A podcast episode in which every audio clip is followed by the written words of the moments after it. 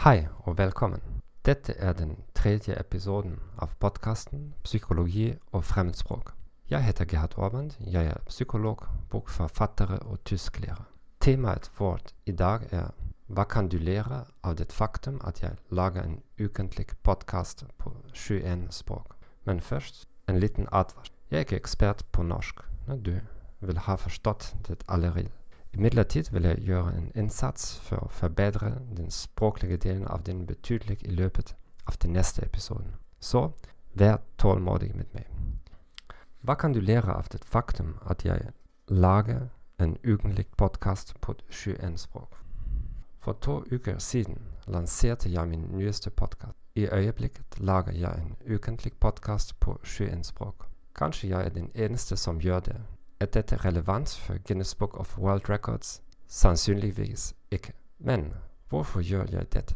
Og viktigst av alt, hva kan du lære av min erfaring? Hva er grunnene mine for å gjøre dette?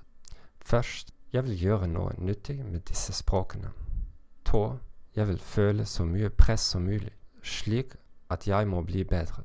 Tredje, jeg vil være gjennomsiktig når det gjelder styrkene og svakhetene mine på disse språkene. Hvilke leksjoner kan du lære av min erfaring? Først, det vil aldri være en person, en språkkommissær, en minister, ne, som vil gi deg tillatelse til å snakke på et fremmedspråk. Ingen ga meg tillatelse til å starte alle disse podkastene. Jeg har ingen attest på noen av disse språkene. To.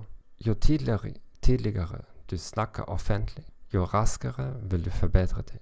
Hvis jeg hadde ventet til jeg føler meg klar, så hadde jeg bare utsatt forbedringen. Tre. Du vil bli immun mot kritikk. Og fjerde.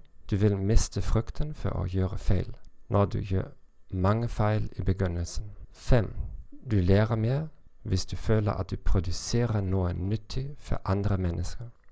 Takk for at du hørte på den tredje episoden av Psykologi og fremmedspråk. Jeg håpet denne informasjonen var nyttig for deg.